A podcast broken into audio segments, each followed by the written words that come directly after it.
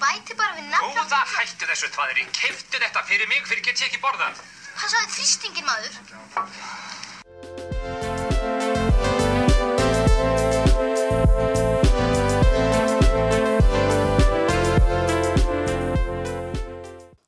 Og verið velkomin í þrýstingin, það er svo ógeðslega hár þrýstingur í dag. Um, ég heiti Unnur Helga Gunnildur. Hugrún. og Siggi. með okkur er sérstakur gestur. Þú mátt kynna inn núna. Já, ég er Siggi og Siggi sést hér komin til að vera hið sérstaka karlæga sjónarhótt. Mhm. Af því að í dag tökum við tvær bækur, uh, eins og síðast, fyrstu og síðustu bók höfunda, Smára og Tómasar, ekki mikla. tví ekki mikla, sem að unnur sér það mikið til fræðar að skrifa fyrstu bókin svona hvað átjónar eitthvað sluðis. Jú, 18 ára 1994. sem var svona svo ansvar við öllum 18 ára gammal. umölu, úlingabókunum, Þor, Þorgrímsbók. Þorgrímsbókunum eins og ég kalla það. Dissa mjög mikið Þorgrím. Já, svo mjög mikið en Þorgrím, en það eru sérst bækur, fyrsta bókin Blöytir kossar, framhaldið að henni var hinn fræga Upsilon, ég held að það er að báða verið metsalbækur. Svo var einhver önnur, en síðasta bókin heitir Berthold, Kjötfarsi. Kjötfarsi. Og eins og ég segi, það er nettur þrýstingur, það er nettur þrýstingur og við ætlum að byrja kannski að fara snögglega yfir sögu í hverju bók fyrir sig, það er ekki bara betra. Viltu ekki segja hvað gerist í Berthold? Segðu okkur hvað gerist í Berthold. uh, já, ég geti gert það. Sagan sem segir frá ungum strák sem er hvað, 14 ára gammal. Já, Ég held að hvað, öll bókin á sér stað innan sama dags eða ekki. ég held það, jú. Eða allavega Já, svona, allavega tveimur dögum kannski. Já. Mjög stöttum tíma allavega. Já, og sem segir frá honum og mömmu hans og þeirra lífi á samt sambíliskonu hennar. Og það gerast ákveðnir aburðir sem eru, já, eh, ákveðnar hugsanir og ákveðin sjónarhótt sem hann hefur á þetta lífverðni og sína tilfinningar sem fylgir það bara að vera 14 ára strákur. Og bókin svolítið fer í gegnum að ég hef nú nokkuð vissum að þetta sé einn dagur sann sko og fer í gegnum hann dag í lífi hans það sem hann upplifir það að vera einn heima með sjálfum sér reyna að kynnast stúlkum í gegnum internetið á byrjun tíma internetins og á svo skemmtilega stund með konu mömmu sinnar. Já. Halló. Og böngsunum sínum. Líka böngsunum sínum. Já, og böngsunum, gaman Would að someone please think about the teddies, sko. Eða allavega hægt að hugsa um ömmunar sínar. Já, ok, það er, það er annar handleikur. Uh, vinur okkar Sigmund mun vera mikið með okkur í þessum þrýsting. Gífurlega, sko. Eða hvað heitir hún? Lóa Fimma. Lóa Fimm. Ég vil ekki hugsa um þetta. Nóa Fimbóa. Lóa Fimbóa. Ég er farin, ég tykki það til þessu. Nei, fjandinn. Ok. Uh, Blöyti kossar. mm, Það er sérst hann Kalli sem er einhvern veginn aðalgægi í sinni veröld og verist allra annara líka. Hann eigðir miklum tími að nýðast á fólki og svo verður hann skotin í stelpu, þau verða kæristupar, hún fer aðeins út til útlanda, kemur aftur og hann er enda aðalgægin. En við skulum ekki gleyma því að hún þyngdist um, veitu hvað er það, 700 og eitthvað grömm. 750 Já. Já, hann tekur sérstaklega hún í fram. Hann svo hann fattar það þegar pappans kendunum að setja þyngd upp í jöfnur og gröf. Jöfnur og gröf. Mm Hún var sko fyrir, nota meiri, 171 cm og 52,72 kg. eins og meðalstúlka með double J brjóst er. Já. Tók 700 úr sér grömm sem þyngdist. að- eins og ég segi, ég er bara pínu orðalaus yfir þessum, ég er bara pínu orðalaus yfir þessum bókum, sko. Þess vegna mitt fengum við sigga því að ég hef aldrei prófað að vera 14-15 ára strákur en hann hefur það Já, veistu, ég hef ekki sömu skoðan að því að varandi þessa bók. Mér veist þessi bók svona myndi mér svolítið á kennsluefni sem þú lest því að bókin varpar upp alls konar vangabeltum og spurningum á þess endilega svara þeim og þetta eru svona þessar spurningar varandi, þú veist, kynneið og bara alls konar sem þessi strákur er að upplifa sem er, þú veist, þú getur ekki rætt þetta við hvert sem er. Og þetta tekið upp í bókinni á þess að segja rauninni þú átt að vera svona, þetta á að gerast svona heldur þetta bara varpa upp alls konar hugleggingum Ég skal reyndar alveg vera sammálaðir með það að mér finnst hérna, já mikið og mér finnst vera nýst á konum og minnlutu hópum í þessum bókum, þá er það samt, það er ótrúlega mikið af svona að detta inn sérstaklega varandi samkynnið mm. sem er Já. ekki afgreitt strax sem eitthvað ógeðslegt, heldur sem spurning. og það er líka í Berthold þá er hann með að tala um, um þær kröfur sem eru settar á stráka að vera alltaf til kynferðislega í Mm. allt og hvað þeir eiga alltaf að vera reddi og vilja hverja, hvaða stelpu sem er og vilja bara svo hjá öllum Sérstaklega ástkonur móður sinnar og mömmu sína líka. Og ömmu sína. og bánsana It's true. Lóa Fimbo að verða ekki greinlega en hérna, en þú veist, mér það líka það var aldrei frískandi, verði ég að segja að sjá þann hanska tekinu upp fyrir strákana. Að þeir séu kannski bara líka stundum dreyktir og stundum bara ekki í fíling og eitthvað. Ég það er að ekki eitthvað sem ég bjóst við að sjá Það eru flott viðhorf, Mm. algjörlega, þeir fá það. En bara, þú veist, 14 ára strákar hugsa ekkert, þú veist, frábælega rökrétt og eru ekki að velta endilega fyrir sér aflengum eða eitthvað. Mér varst það töff í bókina, hann segir alls konar og hugsar alls konar, alls konar hluti sem svona, þú veist, þú ert alveg bara eitthvað, wow, hann er skrítinn. En ég meina, ef þú ert 14 ára, þá pælur þú í mikið af þessum hlutum og þú ert ekkert að hugsa á einhverju jöfnu þar sem þú fær, niðurstöðuna að ert með Google opið, sérstaklega ekki á þessum tíma Einmitt. þannig þú lætur bara hugan reyka og bókin gerði það með að skrifa sérstaklega þú veist, það var alltaf öðruvísi letrið þarna eða þegar hann var að hugsa eitthvað? Og mér varst það alveg lúmsnið því sérstaklega fyrir, hugsaði ég með stráka sem eru mitt 14 ára að vera að lesa þetta þá fatta þeir þegar þeir lesa þessa bók að það skrýtna og aðstæðlega sem ég er að hugsa um veist, þannig er þessi hver að gera það líka og hann er ekki minnir að nýðistöðu baka hugsunum sínum heldur, þú veist, hann er jafn lost og ég Já, ég er svona pínur hrætt, gefið það að það sem ég skrifaði hvað oftast við hliðin á einhverjum svona pælingum var raðmorðingi. Því að það eru svo margar, eða, þú veist, það er náttúrulega bara kannski sem að þegar hann er að tala um einmitt að, að sniffa, þú veist, fara að íta og finna lyktina einmitt að ástkonu móðu sinnar, ítrekkað. Og það er kannski bara eins og ég segi, mín upplifun. En það er líka sko, hann, hún er búin að vera í lífi hans líka svo lengi. Þetta er ekki eitthvað eins og mamma sagði koma út úr skápnum fyrir halva ári og núna býr ykkur kona heimi á Nei, hann er bara að vera þetta síðan hann var hvað átt ára, ekki svo Já, þetta er bara uppalandans. En það er líka samt allt annað samtal. Erum við hvað þessi ungi drengur býr í við eitraðar aðstæður. Því að það sem við, sambandið sem við fáum að sjá í þessari bók, milli móðurnas og áskonu hennar sem eru þarna trúlofaðar, þetta er mjög toksíst samband. Þetta er stór skemmt samband. Í ofanála við það, sko, ég, ég sk- ég skrifaði hérna á einu fyrst, engunum að mér skrítið hvað úlingar eru upplistir um kynli fóreldra sinna. Já. Það er, það er eitt að vita að mamma og pappi ger eitthvað, en í þessari bók, það er, sérst, er þessi ungi maður, Frans Berthold, hann veit nákvæmlega hvernig kynlífsleikfeng mammans á og hann ítrekka ræðir það að hann vakni oft og sé áheyrandi kynlýst aðtafna móður sinnar. Þetta er alveg svona nett fröytist, sko. En á þú veist, þessum tíma til dæmis er ábyggla móðurinn vinnandi og út af húsinu og þau var 14 ára strákur og veist að það eru róta. skúffur og alls konar þú ert búin að skoða hvað króka, hvað kima í húsinu og þú eflaust hefur reykað á eitthvað. Þetta sjá strákar alveg þú veist, á þessum aldri og sérstaklega þegar það verið yngri frá þú svona 10-12 eða hann er fyrir skilin heima. Þeir eru ekkert bara í sínu herbyggi að púsla allan daginn heldur þeir fara og róta og skoða, pæla og velta öllu fyrir sér og ekkert á neitt rökriðasta hátt í heimi sko. allir strákar hafa hugsað um eins og konundar sem tilur upp eða bánsana hvað, þú veist.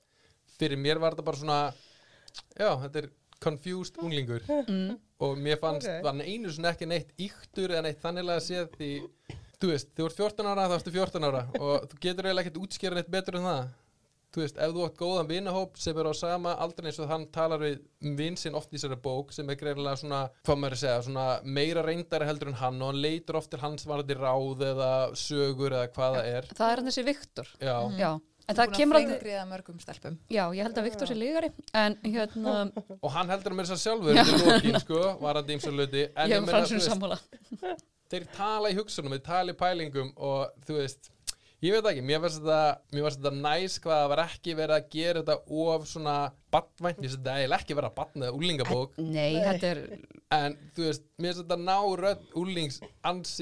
mér við sérstakar heimilisaðstæður og er að uppgöta sjálfa sig og er að uppgöta, já, gefa sínum hugsunum raunin hljóð, sko. Því að skrifa hugsanir 14 ára drengs er ekki besta lesning í heimi, sko. Ef að það er ekki holt, sko, að Or- lesa það. orðum þetta þannig að þetta er sín meðal 14 ára drengur þá, Nei, menn að þeir pæla í öllu, skilur Þannig er það bara búið að skrifa það niður. Flestir úlingar myndi ekki segja mömmu sinni hvað þeir eru að hugsa all the það. time. Heldur þeir segja kannski flokka það, síða það eins niður og segja svo eitthvað mm, ættum við að meina það sérst í rauninni að þetta sé bara svona algjörlega unfiltrað. Mér finnst það, klálega Því hann, þú veist, hann segir Hann hugsar og segir hluti sem eru Þú veist, honum rauninni En hann pælir í því, skilur Hann pælir í hann einhverjum skildmennum sínum Og alls konar hluti. Ég þorði ekki að rifja upp, skilur Þegar ég var ungur og hvað ég var að hugsa um, skilur Þú veist, ég var ekki að gera það í dag Eða neitt upp á síkasti En þegar þú ert 14 ára Guð, þetta hugsa um svo margt á svo fjölbreytan hátt og svo, þú veist, þannig er það bara. Mér þótti samt sko pínu vænt um það hérna, ég hef ímislegt að segja um þessar bækur en ég ætla að vera algjörlega sammálaðir samt með það að þetta er í fyrsta skipti sem ég finnst rödd úlingsins ekko að eitthvað sem ég tengi við. Ég er náttúrulega, ég er of ung til þess að hafa verið úlingur á sama tíma og þessir. Ég var bara tíu ára þegar þetta kemur út. En á sama tíma tengdi ég við ógeðslega margt í þessu, sérstaklega við mitt hvað allir eru alltaf að borða. Náttúrulega snakkkultúrin og vídeolegu kultúrin. Hann kemur í fyrsta skipti fram í þessum bókum og öllu sem við höfum lesið og mér þótti rosalega vænt um að sjá yrkið Og og líka alveg, þú þið sé að tala Ég eitthvað netinu. Finnst það gæðvegt maður heyrir alveg Mhm. hérna Við maður laumaðast alveg, ég man ég fór út og gist ég var frænka mín og við laumumst oft á netið þegar mamma fyrstu.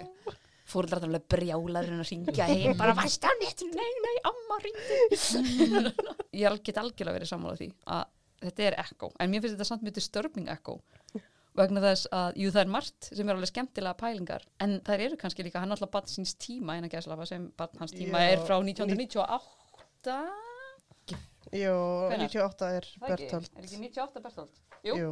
Þe- Þetta var náttúrulega bara kannski svolítið eins og 1998 var. Já, ég vil helst lítið hugsa um 1998. 1998 var bara, bara annar heimur. Spice Girls eru fyrst alltaf að koma fram með girl power. Uh, í hvers getur sem stelpa vil ekki tala, tala við hann er hún, er hún ógislega hóra sem hann talar ítrekka um. Já. Mér fannst, sorry, mér fannst alveg partur í þessari bók virkilega sjúkir. Og mér finnst líka, þeir gera sér alveg til leika því náttúrulega að gera hann skrítin. En það er náttúrulega er að hann á að vera skrítin og eins og við vorum Hann, að hann ræða. heitir líka Bert. Hann heitir Frans einmitt. Sko ég upplýða líka eins og ef ég ber þetta saman við fyrstu bókina. Það sem að sló mig algjörlega fyrst var það að byrjunin á Bertolt er vel skrifið. Þó hann sé, eins og ég segi, örlítið raðmörðingjalegur þar sem hann hérna ræður um það að hann sé alveg hornrétt að búa um rúmið sitt og ræðu upp böngsunum sínum og Já, og alls það konar helst eitthvað síðan svona- ekkert það sem er eftir er af bókin. Nei, það er svona- Þessi karta sem byggja upp hann í upphafi, hann fjarar strax út. já, Já. við fáum svona byrjun af einstakling sem er, er alveg svona hérna klárlega verið að setja upp einhvers konar svona reynmenn Já. fígúru. Hefði alveg geta verið það áhugaverður. Já, en svo dettur hún út og hann verður meira bara svona lol, ég rýð böngsunum mínum og það er svona dettur smá ég ætla algjörlega að halda því fram að þessi bók sendir ótrúlega miklum áhrifum frá 101 Reykjavík Hún er það alveg blíðunarlaust, en ég held og hún stala allir sögunu úr 101 Reykjavík líka nema hún bara hætti fyrir þannig við vitum ekki hvort að, hvort að Rósa er ólétt eða ekki Mér fannst bara eins og, sko, þetta er náttúrulega síðasta bókið þeirra og ég er kannski bara búin að búið til mína einsögu, en mér fannst alltaf koma svona í Berthold eins og hefði bara verið einhver ágrinningur þarna á milli höfundan að tveggja. Já, að og þeir- finnst bara, á það er ekkert consistency í þessu efni.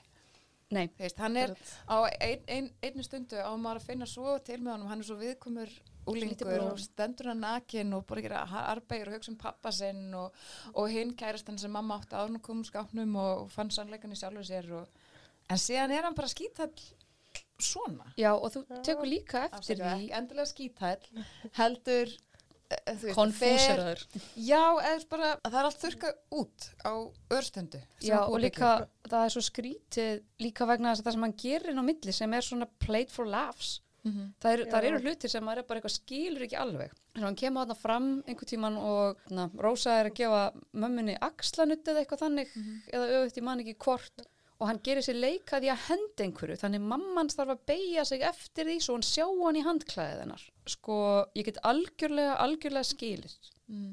að það er tímabil í lífi kallmanna það sem þeir ráði ekki neitt við neitt og ávöxtadildin í hagköpum er vandamál og þetta hef ég frá fleiri en einum en það er samt sko fyrir, fyrir mér og nú er ég auðvitað ekki strákur þannig að ég get ekki skilið það en það hlýtur að vera einhver lína þar sem þú gerir þér ekki leika því að búa til rungmateriál úr mömmuðinni Mm. Maður hefði vonað það einhvern veginn. En, Já, svo sem- mér var við það. Guð mér svo létt Ég sá að það var eitthvað mallan í höðunum ég var bara hvað er að koma, hvað er að koma En það var samt ekki mamman sem það, Jú, það er mamman ekki sem er í Nei, hangklæðinu. mamman situr það ekki og Rósa er nuttana Rósa er svo sem er í hangklæðinu. Nei, að því að hann hendir í mömmu sína. Mm. og hún Já. eitthvað, hvað er aðeins drengur? eða eitthvað svoleiðis, þetta er eitthvað svona En Rósa er svo sem er í hangklæðinu því hún var svo sem var í hún var í sturtunni, getur verið. Þetta var reynda mjög kaotist á tímabili hver var hvar og hvort að Rósa var í sturtu eða var þetta að skokka. Og Mér finnst stundum það koma svolítið í bókinu, hann er svolítið rugglaður, þú veist, hvaða fælst í, þú veist, Mm. að vera vinkona mömmu sinna runni og ég held að hann skilji ekki alveg 100% samband þeirra á milli að þau sé, þú veist, að já, þau sé raunin bara saman. Þú veist, að þau eru saman en hann kannski horfir að öðru auga því þetta er önnur Já. kona sem er ekki mammans. Og það getur ábygglega verið mjög ruglandi. Og Nei, honum ég finnst það vera ekki vera alvöru samband af því að, að, því að þetta eru tvær konur. Já. En þetta er Finnst mér. mammans, en ég veit líka af hverju þú last þetta sem rósu. Og það, ég skrifaði punktum þetta, það kemur hérna lala, Vala er mammans, hvað þetta þýða? Spurði Vala og leit illilega á Frans og teði sér til brefinu, um leið og hann beði sig var eins og augunni Frans stækkuð um helming, eins og það ætlaði útöðunum, alla blóðróðunaði styrnaði upp, whatever, og svo ég sést, fer hann út með hendur í vösum, það er búið að ræða um þessa vasa áður, en ég skrifaði mitt aðteglisvert að það notar Vala um mömmu sína, þegar hann er að nota henni kynferðislegum hugsunagangi Já. en hann talar um þessu mömmu á öðrum stuð það er þjástætti nákvæmlega sama og eiginlega allar svona bækur sem við höfum lesið nema Olga Guðrún. Bara engin yfirlestur. Og að því að þeir nota mismunandi font eftir því hvort það er sagan eða hugsanir og stundum gleymist að skipta um Já. fontin og svo, e, svo getum við talað hérna líka um blöti kossar sem er svona eins og eitthvað gæsalappa helvíti. Það eru gæsalappir utan um allt. Það eru gæsalappir utan um Það þarf ekki að utan vera. yfirhöfn. Og svo allt í einu undir lókinu á bókinu voru, voru komið með sko, einhverjar uh, stjórnumerkingar fyrir einhvern svona skrítin orð. Þannig að gæsalampinnar einhvern veginn duttu út. En bara því við erum að tala um þetta, þú veist, Bert valdi mjög, mjög mikið af svona sefja spjalla dæmi og hérna, bara svo það sé á hreinu, þá er hérna kynlífsina milli stjúpmóður og, og sonar og síðan daginn eftir er hann sleginn til blóðus af henni og það er alltaf læg. það var Já. rosa disturbing allt saman eitthvað. Já, en þú veist, á blaðsöðu 12 þá er hann sem sagt, hann stendur þarna nakin og er að hugsa um pappan sem að svara ekki þryggja síðna brefinu frá honum og hvað hann er einmanna og föðurlaus og svona. Ég er nú einu sinni sonur hans, enga sonur hans. Ég veit það náttúrulega ekki, það getur vel verið í sískin út í heimi sem ég hef ekki hugmyndum. Systur, ljósherða, getnaðarlega. Já. Af hverju þarf þetta að vera? Nei, hann var á undan sinni samtíð, hefur aldrei leysið svona stepsisterporn. Hvað er þetta? Ég bara, ég næs ekki, af hverju, já, það er svo spes. ef En það hefur hún- sleppt þessu einu orði þá þetta verið bara mjög heilbreytt Já, Þetta er mjög spes. en sko hún, hún byrja nefnilega svo flott og það er ótrúlega skrítið við þessa bók er að kaplarnir eru svo mismunandi. Það er alltaf svona eins og einn og einn kaplinn á milli. Hann verður bara eitthvað svona kynlífsbrandara one-liner safn. Og ég skal alveg viðurkenna það að þó að þetta sé margt mjög rámt þá voru alveg svona nokkra setningar sem að flýsaði yfir skilur. Því að það er alveg fyndin augnablik sko. mikið. En Það svo var eru, ógislega gaman að hlusta. Það var stórförðulegt. Ég ég las þessar bækur hérna í COVID einangrinu okkar Gunnhildar fyrir jólin og ég var bara, sko, ég var svo reyðið þess að þetta myndi bara skemma fyrir mig jólin. Og svo veit ég sig að fara á þetta en það er líka kannski sko Sigurður til varnar, við náttúrulega erum komin með þröskuld. Sko ef við hefðum byrjað á þessum, hefðum við örgulega tekið þar allt öðruvísi en við erum orðnatáltir svona reyð. þetta var eitthvað svona andris andar sirpur, sko, með það sem að við byrjuðum á. Já. Ég hugsa bara sko, þú veist, ég las þessa bók og svo las ég líka aðra bók þarna sem ég man ekki hvað heitir akkurat núna Uh, Ólétt af hans völdum. Já, og ég, þú veist, ég hafði gaman að þessu bókum bara því að ég man hvað ég las þegar ég var í grunnskóla eitthvað svona ævintýra dóti, þetta er alltaf Harry Potter var að vinsa alltaf þetta, en þetta er allt svona happy við erum vinir í skóginum ævintýri og ég fannst þetta bara svo finnst það sama bókin, það er bara öðruvísi skrýmsli og öðruvísi eitthvað en þú veist, ó þau elskast og þau vera vinir og allt, þú veist, happy go eftir voru svona lítið fannst mér að bókum eins og þessu sem pæla í hlutum sem eru raunverulegir, sem eru, þú veist það tekur fyrir dag hjá ungum confused ungling, mér finnst þetta miklu meira áhugaverðara ef ég myndi lesa þetta og kannski einhver annar sem að væri með mér á sama aldrei í skóla myndi lesa þetta við myndum hafa hans sem margt að ræða um skilur þú veist, bara þannig að tala um hvernig hann átt að raka sig. Mér varst það mjög skemmtilegu kapli því þú veist, það er ekkert allir sem hafa besta papp í heimi sem kaupir fyrir rakveil og sest niður með þér og segja nákvæmlega hvað átt að gera Akkurat. sumir þurfa bara að figure it on their own og það gengur ekkit, ofta ekki sérstaklega vel þá ertu allir út í skorin í andlitinu með einhver vitlustæki eða óbeitt og Bókast ekki fara á YouTube og bara segja hvernig þetta gera það. Nei, ég meina þú veist þetta er kemur svona þú veist, umræðu, þú veist, start, getur starta umræðu sem, þú veist, þú ert ekkert að fara ekki, þú ert ekkert að labba bara einhvern í bæja, hei hann hvernig raka maður þessi er þetta upp eða niður eða? Við þurfum eiginlega að fara að leia út uh, gauðra á bóksafnu svona að þú veist, geta kentir að raka sig. það var ekki slæm um sko.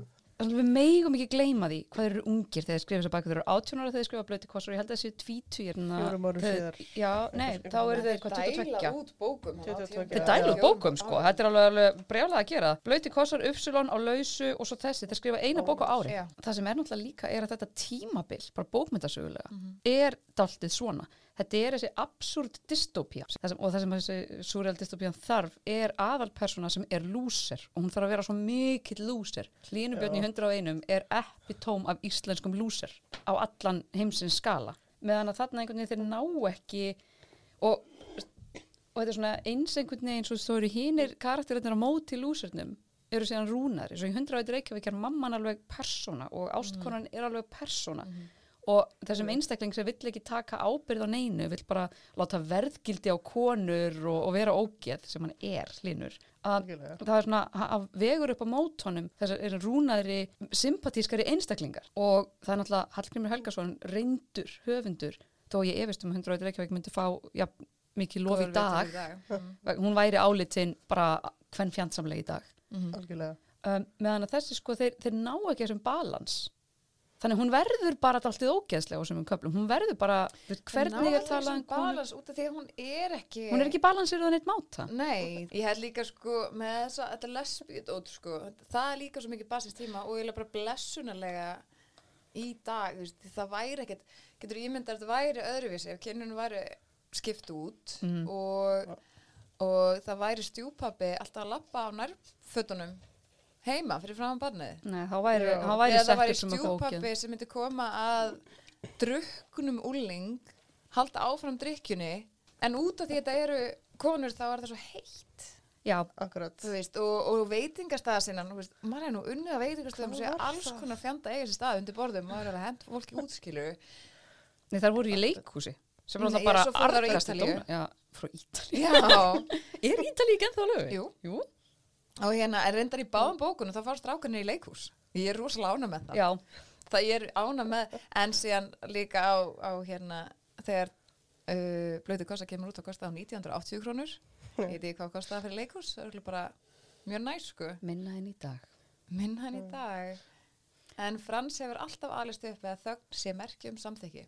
Já, Mm það er tekið fram henni í Berthold. Ég held í, í alvörinni að sko það væri hægt að krifja Bertold alveg í klessu bara til að skoða bara hvernig verslingstrengurinn hefur alist upp. Eins og ég segi sko það að, að hann hugsa um það þegar hann eftir að hafa verið full, hann fullur hann heima uh, stjúpforaldur hans kemur heim öskrar á hann ekki fyrir að vera fullur heldur fyrir að hafa drukki bjórun sinn. Akkurat. leysir síðan sín vandamál hefur náttúrulega eitt heilu kvöldi full að rífast við móður drengsins. Og við erum að tala um bara ljótt rifrildi einhvers staðar á einhvern veitingastátt í bæ. Kemur heim fyrir að drekka með barninu. Og nöðgar því, það er það sem það heitir þegar fullorðin einstaklingur í sko, tilfinningarlegri valdastöðu yfir, já, 14 ára einstaklingi ný, þess, nýtir sér það að það eru, er einstaklingur sem er drukkin í fyrsta skipti og hefur með hann kynfyrirsmög það, er- það er orðið sem er notað þetta er nögun er svo, við, og svo getum við líka farið út í hvað það er snar furðulega hugmyndin. Það er þessi, þessi gamla kretta að lesbía er bara lesbía þar til hún finnur rétta tippið. Já. það er bara einhver kona sem er lesbísk en fyrir einhverja ástæðu vill hún sofa hjá 14 ára Og það strák. er bara eitthvað galdra teipi einhvers staðar sem það bara breytir henni. Já, við getum líka rætt um einmitt all, all stórkustlu orðin sem eru notið við tippi í þessum bókum. Uppáhaldi mitt er töfrasbrotin að því ég sá bara fyrir mig hérna. Og svo ég ofanlaga það daginn eftir þau vakna, hún man ekki eftir því að hafa nauðgað barninu sem hún er að fara að gangast í, í sem hún er búin að vera uppeldis aðili uppeldis aðili af. Já, þannig að það, hún er mjög klikkuð. Hann aftur á móti eði mótninum í að pæli hvað þetta hafi verið ógeðslega gott og æðislegt og gaman og hlæja því með sjálfum sjálfu maður svona, ertu kannski bara í sjokki ég veit það ekki þar til hún slæra nautunum þar til að þegar hann að reyna að segja eitthvað og hún, hún lemur hann, hún bókstallega lemur hann þannig að hann fer með höfuðið utan í skáp og það foss blæðir Já. og umræðun eftir það er bara eitthvað mamma en þarf ekki að vita þessu þá nokkuð við erum vinir, er það ekki? við erum vinir, er það ekki? sem er náttúrulega bara svo sjúkt þetta er ég meina við gætum alveg tekið þetta og, og hraunað yfir samt dreng, en- tveir hauga druknir einstaklingar ekki sé að er verja þá en 14. þú veist að horfa á þetta rökréttum augum það sem ég veist bókin gera nefnilega, að hún- þetta er ekki rökrétt augu í þessu. Þetta er twisted og það er pointið með þessu finnst mér allavega. Það eru tveir haudryknir einstaklingar og þú veist, hún er náttúrulega brjála út í konuna sína hann fyrir að hafa eitthvað verið að rífast og bla bla bla og hún er komin heim og undan og eitthvað. Og þetta er svona ákveðin hemd og ég hugsa allan tíma menn ég var að lista eitthvað. Vá hvað ég geti tekið þetta upp sem kennari og þú veist, stoppa á svona ákveðnum stöðum og haft umræðri mitt um, þú veist og hvað átti að gerast svo skilur því mér finnst bókin aldrei, þú veist, hún sjúk ást bókin. Þú veist, hún réttlar ekki réttlætir ekki neitt. En hún bara svona um leiður komin okkur svaka krassandi punkt, þá bara heldur hún áfram. Alveg eins og þegar hún barðan og blæður honum, svo er það bara búið. Það er ekki eitthvað svona- það er aldrei neitt rétt. eða neitt rámt sem bókin heldur fram heldur bara ekki, ekki leist úr neinu eitthvað- Nei. aðteglisvert og svo bara we move on. Já, það er eitthvað svona bara óætlum var sama. Já, en það er með kannski bara síni, kannski það sé bara bók sem áttu me- betur heima í útgáfi barnahilla heldur en já, hvað er að Setbergs eða Skjaldborgar. Að, þetta er líka svona svo fyndið, það sem ég finnst líka svo, svo geðsjúkt við það að hún eitthvað kemur bara þarna inn og einmitt, sefur hjá fóstur sinni sínum Já. sem hún er búin að upp síðan hann var bad sem er það vegna þess að hérna að hún er að Rósa sjálf sem er, er fósturmóðurinn, Vala er móðurinn að Rósa sjálf, sagt, að byrjunin á rifrildinu sem hún á við mömmu Frans Bertholds, mm -hmm. fyrir bókinni er það að hún er að ásaka valgerði um það að vera að snúast í trunni, það er að segja að horfa á karlmenn kynferðis augum en fer svo sjálf heim og nöðgar fóstur sinni sínum Já. og maður er bara eitthvað hvað. En það er samt meira svona continuity error í mínum hugum því að við erum algjörlega búin að taka eftir því að en þú veist, þetta er náttúrulega, hún er súreal þessi bók, hún er súreal Sko, þeir eru greinilega bara ekkert í takt við hvern annan í þessari bók og það er ekki ástæðan fyrir voru. Þetta var seinasta bókið þeirra. Þeir voru ekkert að Já. tala saman. Ekki þessu verki. Blöytum kossum, algjörlega. Þeir eru alveg á sögum byrgilegn þar. Þeir eru, hún er alveg consistently ræðileg hún er samt svona, blöyti kossum er samt svo saklaus við hliðin á hún er Bertolt miklu saklusari og ég vil hrósa blöytum kossum alveg stórkostlega fyrir eitt. Og það er samþykkis kynlífssenna svo kemur grjóni heldur svípla og dinglar á dyrabildinni já en hann ákveður að fara til dyra. kannski var hann ekki tilbúin þú veist, kannski var þetta, ég veit það ekki kannski var þetta pizza ég, var þetta- Já, kannski. nú spyr ég ykkur hér En það er ekki eina ástæðan, nei. Æ, Myndu þið fara til dýra ef þið væruð bara Siggi? on the verge? ég fer ekki til dyra Ég fer ekki til dýra, punktur. ekki koma heim til mín Dýra vil að nefna mér í bílu þannig ég fer ekki til dýra. Nei, já, þetta er, sko, já, ég fekk svona meiri hjarta við að lesa Berthold, en ég fekk meiri í æluna við að lesa já, eiginlega Já.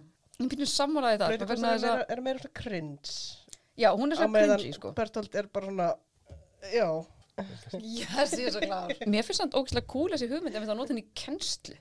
Þú veist, til að í rauninni sína þú veist, hvað er Þú veist, þetta. ef þú vissir ekki nafnið á höfundunum um leið og byrja að lesa þessa bók, þú veist um leið að það eru strákar sem skrifa þetta þú heyrið það bara strax Mm. mér finnst það mjög líka svipa mér var þetta hína bókina sem þú lesst Já. að lesa að, ég man aldrei hvað heitir þetta Ólétt, punktu. hann. já, þú veist þetta er svo mikið strákaröð í strákaröðin, allt þetta blót og allt þetta, þú veist, þetta hljómar rosalega hart og bygglega, þú veist þegar maður sér þetta á blaði en þegar ég lesi þetta einhvern veginn, það finnst mér, þú veist þú þarf svolítið að lesa á milli línana, þetta er svolítið að tólka hvað það er að meina og þú veist, orðin er afleg þú sér þetta bara í alls konar formi eins og, og uppistandi í dag og svona var, ég var að horfa eitt um daginn og hann var með joke það sem var sko að þú veist, hann var gaggrindur rosalega í blaði og sko skrifað upp það sem hann hafi sagt, þú veist, í uppistandinu sínu. Og jokurinn hans sem hann gerði svo eftir þess, þessa gaggri sem hann fekk var bara, it's not a, it's not a good read sko, þú veist, þú lest þetta ekki með hans tón og ekki með hans áherslum þá var þetta hríkalegu texti með alls konar lótum orðin sem er ekki fallegur en í samhengi þú veist, eins og þessi veist, bók gera mörguleiti er þetta rosa mikið af pælingu sem ég tengdi við bara að hafa sjálfur pælt í sko. já og mér fannst þetta best að það, veist, og þægilegt að lesa það þar sem þetta var ekki búið að síja þetta niður í eitthvað svona, ó, veist hárið mitt er ekki alveg nákvæmlega rétt eins og á að vera du, du, du, veist, og það ekki glemdi gélun og er ég fór í skóla, neða eitthvað svona svona, vá, lít, þetta er þetta alveg bara bam, þú veist, eru, ég bara ég fyrir fram að speilin, ég er með bólur Já. framtíðin, Já, þú veist, kynhneigðin. nákvæmlega, bánsið minn er búin að þurfa að prófa ansið margar hluti þú veist, þú er 14 ára þú prófar sjálfa það, ég meina kannski 14 er kannski eldri kantinum, en þú byrja þú veist, ég maður því sjálfa mig að ég lærði um, þú veist, sjálfsóðum bara í skólanum hjá hjúkurafræðingnum mm. Og það var ég greinilega einn annar sem voru með nákvæmlega sama pakka því við hlóum eins og bjánar þegar þetta var að vera útskýra fyrir okkur, manni hverju margur kannski halvur bekkurinn af strákunum sátum með henni. Og við hlægjum og hlægjum og hlægjum því ég er bara, hvað er það að tala um? Bara upp og niður eitthvað við bara, hvernig skrítið en svo fór greinilega fóru við báðir heim Og testuðu. og prófum þetta um kvöldi hún hafði rétt fyrir sér. prófum ekkert aðeins svo lengur sko. og svo prófari, hvað, hvað getur gert annað við þetta skilur og þú veist við vorum fer put your skilur thing down, flip it and reverse it. Það er enginn að bara segja þér eitthvað já, það er heilsamlegt að gera það bara einu sinni við þessar aðstæður með kertaljós og nei, ég meina, þú sérði eitthvað, þú veist, American Pie er bara sem að margir strákar hafa prófað skilur það reyndar með American Pie þetta, var, þetta er svona fenomena það í alvörinni, það var alveg óendalegt magn af sérst, ungum drengjum sem að leituðu sér aðstofar hjá læknum með brunasár. American Pie var bara skelvileg ok, það er mjög rangt- margt rangt við American Pie en þetta klárlega var skadlegast í hluturinn við American Pie. En ástæðan akkur, þú veist, hún er American Pie er því að einhver hefur greinilega gert þetta? Sýst, þú veist, þeir voru ekki að finna upp hjólið. Nei, já, er eins og ég bara- segi, ég er ekki Já. kallmaður en ég gerir mér upphæðu. grein fyrir að það er tímabil í æfi kallmanna þar sem þeir koma til með líkast til að reyna að láta tippið á svo enni furðulegustu staði. Algjörlega sko. Er það ekki. Ég ætla að tala fyrir því flesta sko. Ég er bara ógæslega hamingi sem komst ofið með þetta.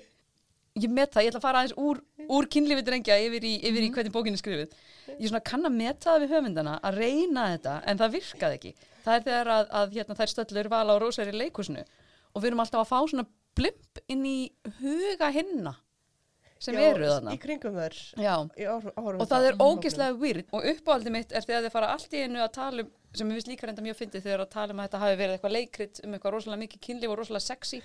Og aðalpersonan er mjög súr að hann hafi ekki fengið að, að, að hafi ekki komið í leikhúsið að horfa á einhverja gerlu brjóstabera. En það er samt sex ára drengur í áhörundasalnum Já. sem heitir Mangi og situr í röð síasæti 13 sem fer allt í einu að hugsa um að hann sé í svo óþægilegum nærbuksum Vi, við förum beint úr því að, að hérna, Frans er sagt að leika sér á yrkinu yfir í þetta sem þýðir að ég las þessa síður eitthvað þrísvar en ég fattaði hvað verið í gangi að þetta fer svona fram Hann var komin í feitt, með strákinn blístífan út í loftið, hamaðist hann við að koma hugsunum sínu nógu hratt til skila. Fabio og Lucy höfðu frá nógu að segja. Hann hétt Mangi og satt í röð sérsæti 13. Mikið ógeðslega eru þetta óþægilega nærbuksur. Af hverju leifir mamma mér ekki að velja mínar eigin nærjur?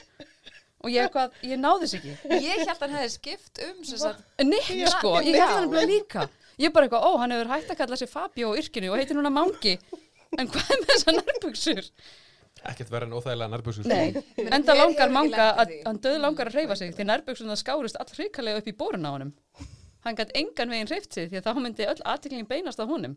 Og maður svona eitthvað, en hann situr einn, Vill Já. hann er sex ára barn klukka nýju í leikhúsinu á erotískri síningu já og svo er allt í henni nefnilega þetta var farið að meiðan illilega það hefði kannski verið allt í kei ef, ef hann hefði verið ævintýragjart á sviði kynferðismála.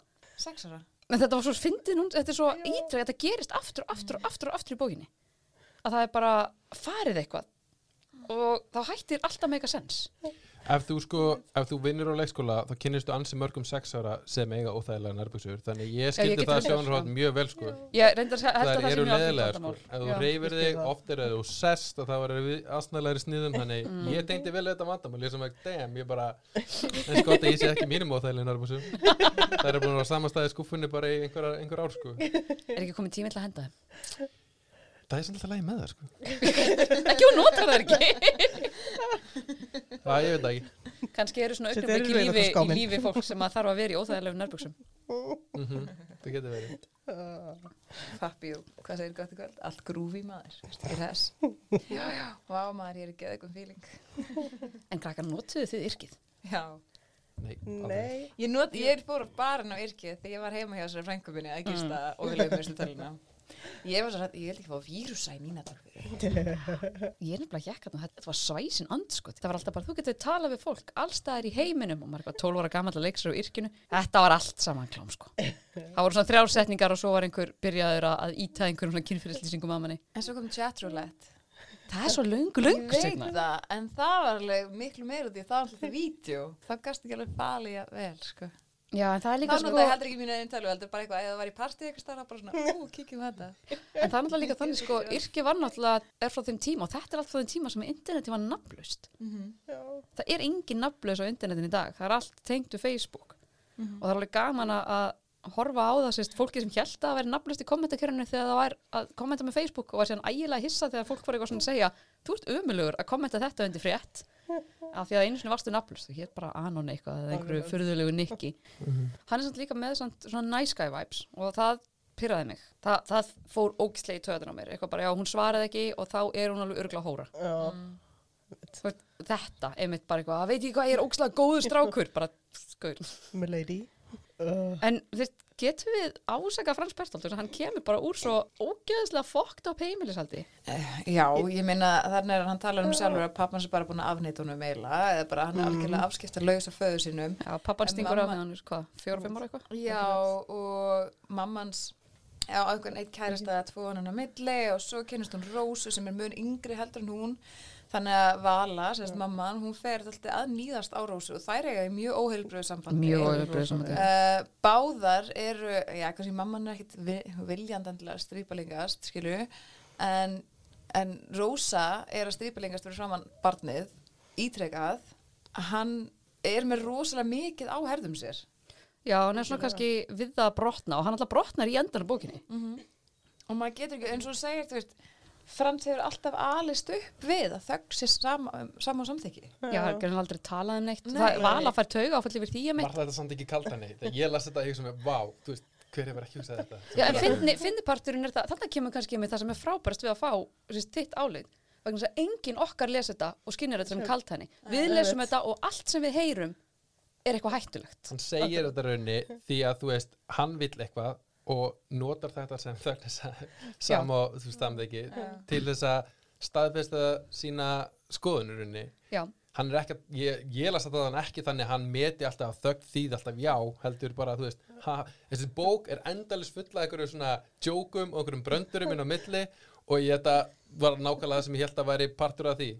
Alveg með þessu bara, þú byrjar að opna bókina og lest fyrsti kapitúli, þá var ég alveg haha, þú veist, ég man það að ég var þú veist, því sjálfur er ég lesblindur og maður fekk stundum svona bækur á ljósnældu og hlusta á okkur gamlan kall alltaf. Fyrsti kapitúli, uh, blaðsina þú veist, ég alveg bara, ha, stendur í bókinu og hann er að gera grínað í bókinu ég er svona, vá, ok, ég, strax var ég bara á, þetta er eitthvað fyrir mig. En þetta er náttúrulega líka, þú veist, eins og varst að segja, þetta er algjör, algjör viðsnúningur af því sem að svo margar úlingabækur voru. Við náttúrulega erum búin að vera að lesa það sem kom alltaf undan þessu, sem er svo ólíkt að hans völdum og svona, það er allt bækur frá 80 og eitthvað. Þær eru, sko, þær eru gamlar í samanborið við þetta hérna. Ég held að eina bókin sem er að koma svo upp um tíma og þetta er peðaplóntunni jörð.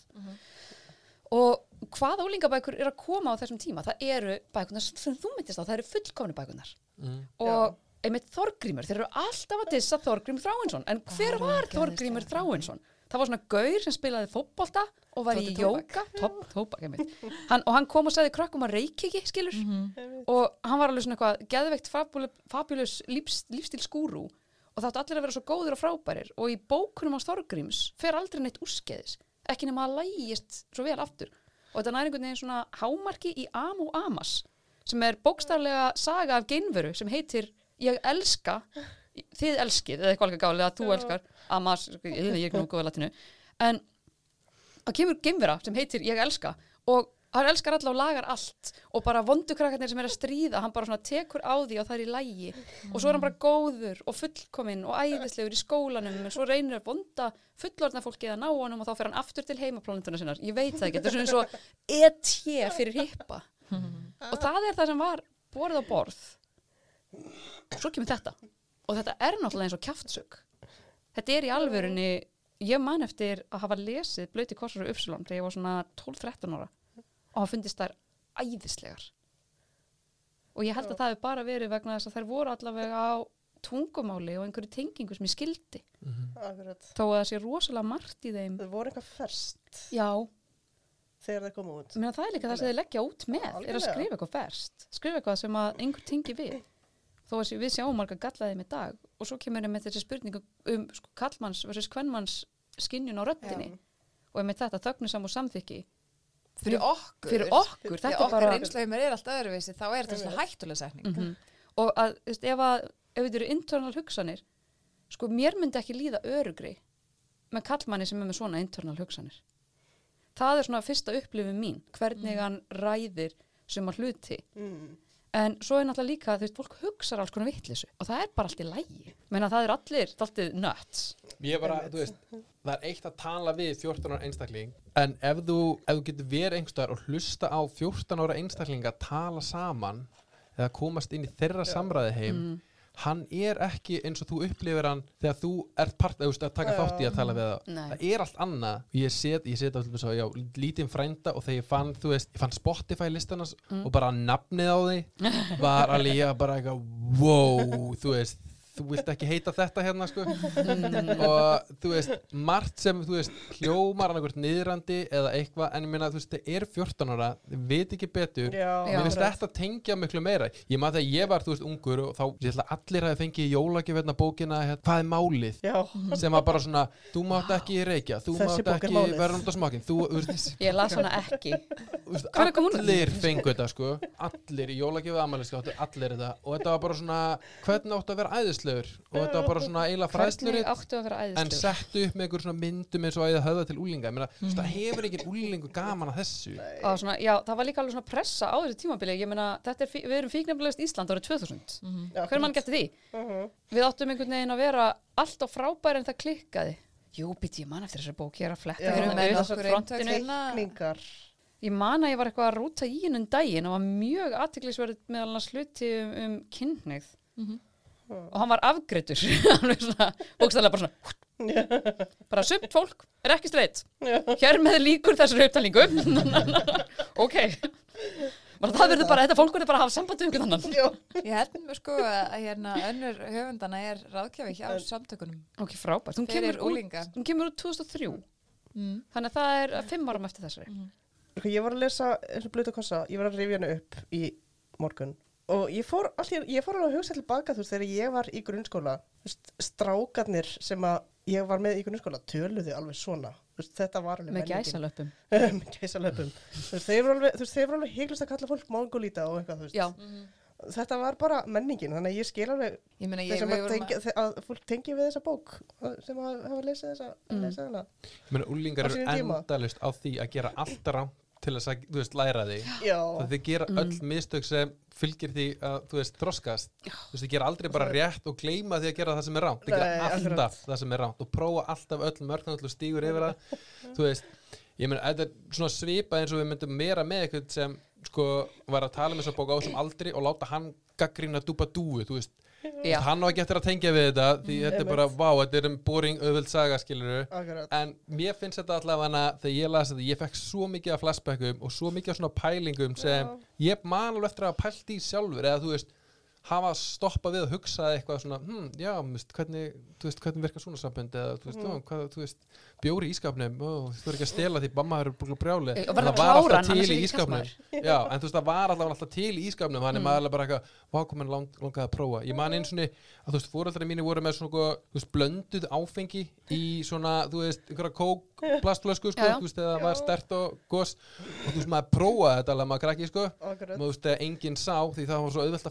þú veist, var að þú veist, ekki að, þú veist, opna Nei, dósina er eða neitt. opna flaska og þú veist, og þegar hann var þetta bara, og maður bara, já, ég man til þeirri tilfinningu. Og þetta er náttúrulega líka ennþá sko, úlingatir ekki að var miklu meiri þarna. Þú veist, það, er, það er ekkert langt síðan þetta er svo, er fyndið uh, úlingatir ekki er ekki raunverulegt vandamál í dag eins og það var. Og vegna þess að þetta var bara, ég man ekki hvað var það insane hlutfall, eitthvað fimm af hverjum tíu í tíundabekk og þú verður fullir allavega fimm sinum viku. ég að Já. vera algjört bull sko. Og líka bara drekkandi landa einhvers þannig svo fáið þar að rúlast nýri mjög bara ekki en sko, við erum ekki að segja þetta að gera lítið úr 14 ára krökkum, Við- það veit Guð að ég var, alveg, ég var stúpid þegar ég var 14 ára.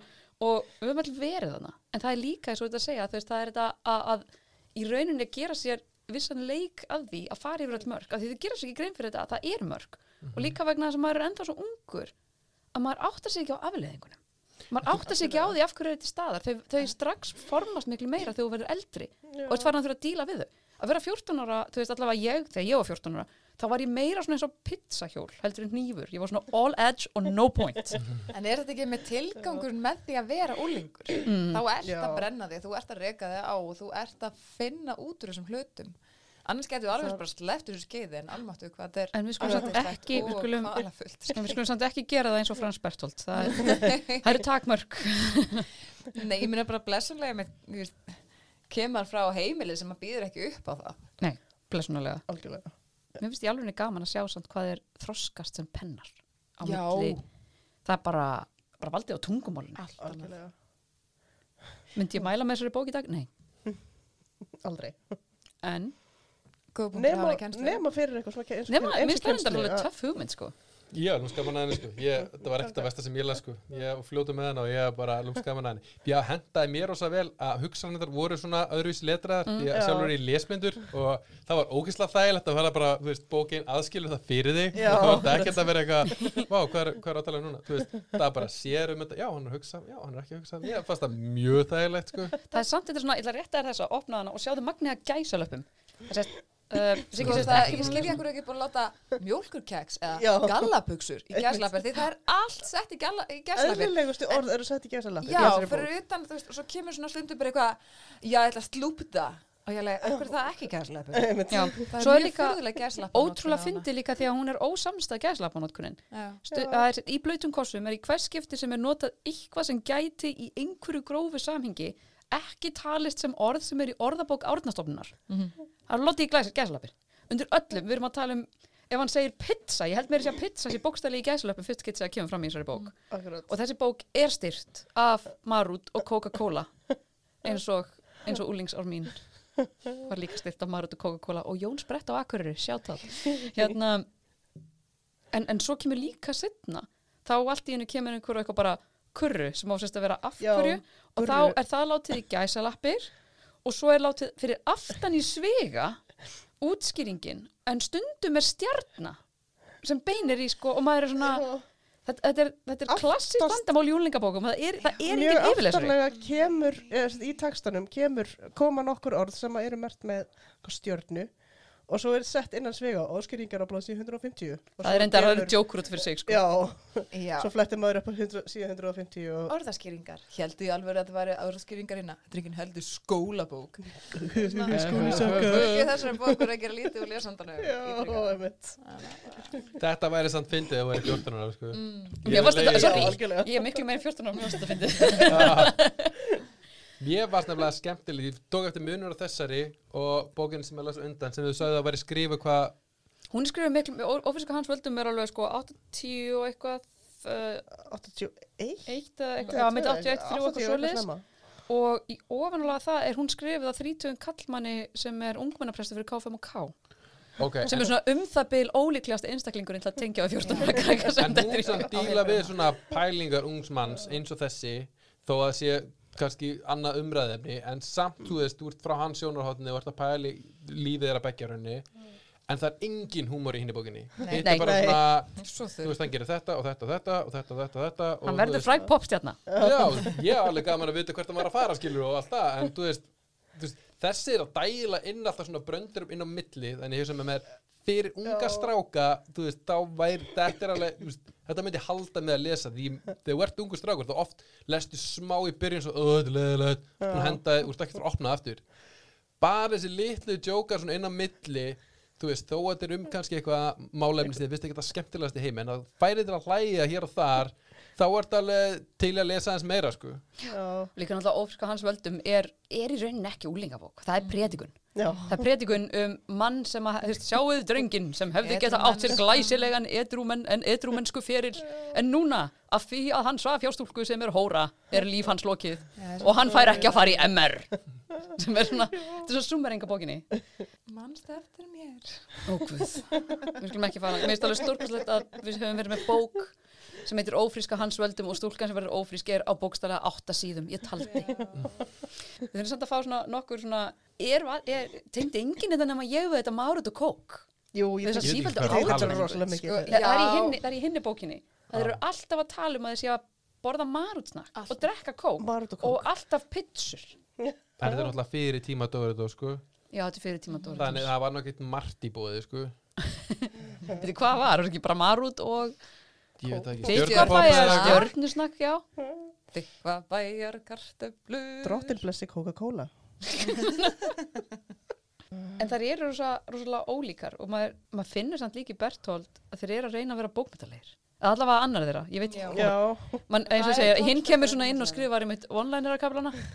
og hinn vildi fara í eitthvað aðra átt Já. en ég sé hérna í glósun minnum frá blötum kossum þá stendur hérna Gaurinn sá mömmu sína nakta óvart aðstæðin og fór svo að runga sig við til um hana Það er þetta að gerast í báðum bókunum. Það er einhver, það, það, veist, það þarf einhver að ringja í Sigmund. Það er eitthvað því, svona, í, því, í þeirri bók er líka, sko, mam mamman er af öðrum minni hluta. En- en hópi mamman Hún er samt Hún er af persóna. asískum ættum. en mamman er að er líka- persóna. Henn er Já, líst sem algjörlega. sko, hún er miklu minni persóna heldur en vala nokkuð tíma já, já, það er því Já. hún er bara mamma í þessari. já. En sko, þarna er náttúrulega mamman alveg persóna, hún er keksbrotinn persóna, Mhm. en Og hún er rosalega infantiliseruð. já, hún er alltaf að elda eitthvað ógislega von. Og hann þarf eitthvað svona, hann þarf að kenna henni að vera mamma. mamma er svo mikið eitthvað. krú Hún er svo, Já. já, já einmitt. Ég En meina, Vala ég er er ekki krút svo myndi þið segja það mig, mamma var ekki krút Já, en svona þinn er líka sex ára. ekki einu sinni Hann á pottitt óþægilega nærbúsur Hann á potið og þægilega nærbuksur. Hendi óþægilega nærbúsnum. Það er það sem er jákvæðast við að vera fullorinn, geta valið svona eigin nærbuksur. Eiginlega sko, það er stór kostur Og líka þegar þú finnur góða nærbúsur þá áttu þær alveg þangað til að þú veist það þurfa að ripna í sundur heila sko. Því kallmenn henda ekki góða nærbúsum sko. Með fullri vinningu fyrir Stína. Sleppa þér Já takk Já. Já. Siggi, vilt þú eitthvað svona, við byrjum bara upp á Siggi taka allan tíman þinn líka í dag Mhm. Eða að sleppa þér eða viltu segja eitthvað meira um það Ég, mena, ég hef ekkert mikið meira að segja því sko. Það er alveg góður sko. Ef að leipa þeim ekki drengnum út. Takk æðislega fyrir. Mér Minnsta fannst þetta- málið A few moments later. Jæja, nú er Sigurður farinn. Hann hafði eitthvað betra að gera en að hanga með okkur. Blöytir konsert, áttu þið ekki eftir að tala um hana? Já. Við erum alltaf búin að ræða um það báður, við erum búin að ræða um hvað er eiga sameiginlegt. Já, Það eru svona viss þemu og sem er einmitt, þessi furðulega móðir, móðurinn sem, framandi sem framandi sem keksbrotin og sem kynferðisli fígúra. Mm og ég ætla að segja lítið svona sjálfsofbeldi það er bæði ofbeldi gagvart öðrum og svo er þetta alltaf ofbeldi gagvart sjálfum sér í gegnum það allt saman Já. En er það ekki eitthvað sem allir úlingar hugsa? Ég er ekki nóg þetta, ég er svona skrítin og af hverju er allir svona mm, maður fer í gegnum þessa sjálfskoðun sem úlingur og maður fer líka í gegnum þessa eða, þú veist ég held, að, ég held að stór hluti mikilvæg hluti af því að vera úlingur er að reyna á öll möguleg mörg já, líka Já. kannski ég get alveg trúað mikið af, af agressjónin í þessum bókum, það er svona merkjum maður var alltaf að brynja sig. Mm. maður var alltaf að vera ókslega harður og töff sko og fólk bara síndi það á rosalega mismunandi máta, menn að sömur fóru í einhverjum svona queen bee leið og aðrir voru ægilegir bankarar, Einmitt. En- allt er einhver leið til þess að brynja sig gagvart því að aðrir geti meitt mann.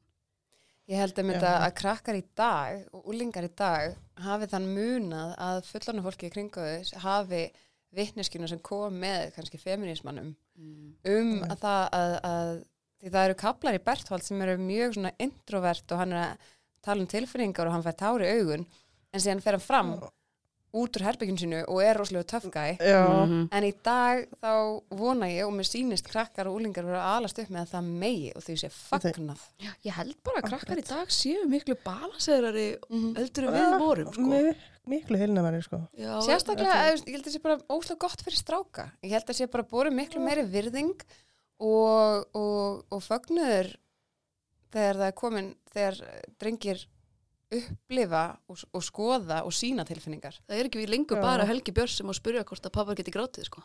Nei, það eru allir í kringa sem hvetja allir að gráta. Einmitt. sem er bara frábært. En ég held að, Grátið, strákar. já, það, Sko- að gráta er fallegt. Nei, sko ég ætla nú ekki að fara kannski að ræða um, um bókmæntalega þyngd þessara tveggja rita þó að Berthold beri mjög hreinlega keim af 101 Reykjavík, sorry, það er alveg rosalega mikið 101 Reykjavík í gangi í Berthold þetta er eiginlega bara sagan um 101 svona rippuð og aðeins aðeins breytt Þetta er svona baby 101. Hvor þeir eru með kapitúli? Já, á Já. Bertolt þegar með kapitúli.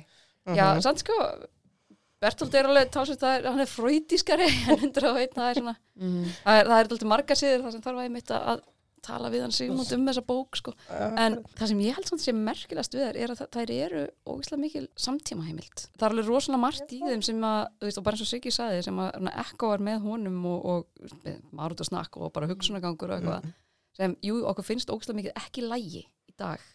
En þetta var svona. Og þessar bækur eru í rauninni afskaplega verðmættar fyrir það að þetta eru einu bækurnar sem við höfum lesið sem eru skrifaðar af úlingum Mm Meina, þeir Já. eru átjón til tvítur þeir eru að skrifa. Rutan Olgu, Mhm. Olga náttúrulega mjög ung en hún náttúrulega existeraði í allt öðrum heimi Allt öðrum. og allt Algjörlega. öðrum bara pólitískum heimi líka hún er að skrifa í kreppu Mhm. hún er að skrifa þegar að sko, já, hún er að skrifa bara á allt öðrum fórsundum en þannig erum við með sko tvo úlingslaga með aflitun í hárinu horfandi á Og MTV bara eru að skrifa um sína samtíð. Já. Sem er bara óskum verðinga verðt. og late 90s, early 90s er Já. ótrúlega fokkt á tímabil bara hugsunargangi og tísku Ég meina þetta er tíumbili sem að þróaði veruleika sjónvar. Já. Veruleika sjónvar. og mér finnst það svo mikið kútás líka á þá að hafa bara gert þetta Mm Algjörlega. Því ég held í alveg að áður en þetta ekki verið eina unga fólkið sem að skrifaði bækur voru annarkvort einhverju sem voru bara nettir savandar eða rosalega pólitískir. Það eru held ég mjög fáið sem bara settust niður og ég ætla að skrifa um krakka fyrir mig og fyrir aðra krakka og hann er eiga bara allt gott skili fyrir það, fyrir að hafa bara þórað. Og ég held líka svona til viðbútar við hérna, við kannski dissendu alltaf mikið tilfinningabælingar og alls konar í þessari bók. En ef maður horfir á þeirra ríthöfunda samband í gegnum allar bækurinn sem þau gaf út fyrir svona unga menn að ná öllum þeim tíma í skapandi vinnu og gaggrinni og Já. ritrinni hjá hver öðrum. Það sýnir bara merki um eitthvað rosalega stert innra með þeim og mér finnst það að fá rós fyrir það. Þau gefa út þessar fjórar bækur saman. Mér finnst það- flott hjá þeim. Ég myndi ekki mæla með þeim fyrir úlinga í dag, bara það eru rosalega margir afskaplega skemmandi hlutir, þessi hlutir sem ég myndi telja væri ekki góðir og líka rosalega aðtiklisvert að sjá sko mun á því hvernig Siggi upplifir þetta Mm Já. sem í rauninni frásögn eitthvað sem hann tengir við sem úlingur versus okkur, mér fannst þessa bækur finnar þegar ég lasa þessari krakki en núna, mér finnst það bara mjög óhugulegar mér finnst rosalega mikið Já. að skilabóðinga hvort konum sem eru afskaplega ógeðsleg Já, og gagvart hvort öðrum, Já, ofbeldið og, einmitt. endalausar sko, svona funnifications það er verið að gera Mhm. ótrúlega mikið grín að líkamlega ofbeldi, að Mhm. kynferðislega ofbeldi kynferðislega misnukun á barni Mhm. af höndum einhver sem á að vera að vernda það, er bókstaflega the big thing Sexy Já. stjúpan. Já, sexy stjúpan, sexy mamman þetta er náttúrulega eitthvað sem við myndum aldrei vilja leggja á borð fyrir krakka eða sérst ung fólk í dag Mhm. Þetta er svona bækur sem maður þarf að lesa með mjög gaggrítni hugsun. svona sem einn kam Já, Ok. nákvæmlega það sem ég ætla að segja. Um, ég og mér sem bara svona, til sem er læra tómstundafræði, hefðu gott að lesa það en tökum hitlar inn í í bók. Ég held að vera holdt fyrir alla á aldrei við okkur að lesa hana því að ég held að það hjálpa okkur óslega mikið að sjá hvaðan við komum Já, og gera upp þetta tímabil. Já, bara í átta sögunni. sig Við ættum kannski næstu aldamátatónleikum að hafa svona milli atriða, svona smá upplæstur. og Bertolt Já, Why not? veist að fólk er að pæla í strípunum og magna og allir Já, þessu. en ég meina, þetta er samt ekkert bara þeir, við erum alveg búin að vera að drulla yfir þá fyrir að vera, þú veist, andfeminískir eða þú veist, ég reynir bara andkvenlegir og alls konar svona. En á sama tíma erum við að segja að bókin sé að byggð á 100 áður Reykjavík sem er alltaf dásumuð fyrir að vera svo stórkvæmlega bókmyndaverk við skulum ekki gleyma því að í lokinu á 100 áður Reykjavík er listi að verðgildi kvenna upp á peninga. Mhm. Já, Þú veist, og það eru er flokkar frá hvað nulli upp í eitthvað 700.000 eða eitthvað líka álegt Vá. og ef ég mann rétt þá er það sko hvort það Cindy Crawford eða einhver sem er dýrust. Og maður er bara eitthvað Þetta voru við líka samt að tala um í dagbók. það voru líka líka Já. verðlagning. Ver, já, kvenna. verðlagning Mm. já. Verðlagning kvenna var náttúrulega huge á þessum tíma. Og svo stuttu setna þá kemur eina fyrstu manneskinum sem að allir horfða á sem fæðingarháluta en við erum að koma að staði í setni tíða var svo fyrsta til að nýta sér bókstaflega verðlagningu kvenna til að koma sér áfram og taka aftur valdið kynferðisofbeldi sem hún var beitt. Og það er Paris Hilton. Paris notaði, eða var mjög, Mm. notaði sitt sjálf, hún bókstaflega valdaldi sig. Og þetta er líka tími bara það sem að við stýrðum konum ógstlega aggressíft. Britney Spears náttúrulega Mhm. Já, gott dæmi, gott dæmi. Hún er frjáls í dag. Yay. En ég vona að Tómasi og Smára liði vel í dag og, og hérna sé að gera góða hluti í sínum lífum. Já, og ef þið eru að fyrir hlusta, bækunar. ef þið eru að hlusta strákar, þá bara heyrið í okkur, koma að spjalla við okkur. Já, við erum mega til. Er já. ógeðislega til, Mm ógeðslega til. Svo velkomnir í rafrimið. Well done guys. Fyrir heitir seriously. fyrir ykkur. Við erum allavega gett heitar, þið eru mjög flottir á þessum myndum aftan á sko.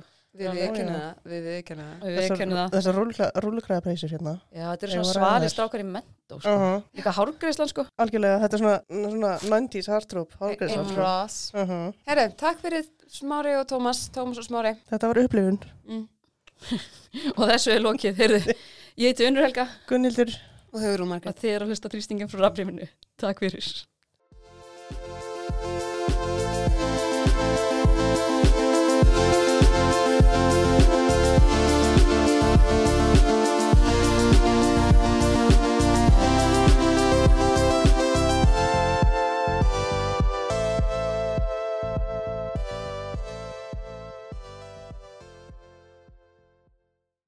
Mikið ofsalega eru leiðinlega svona sér hannaðar bókmyndir fyrir úlninga.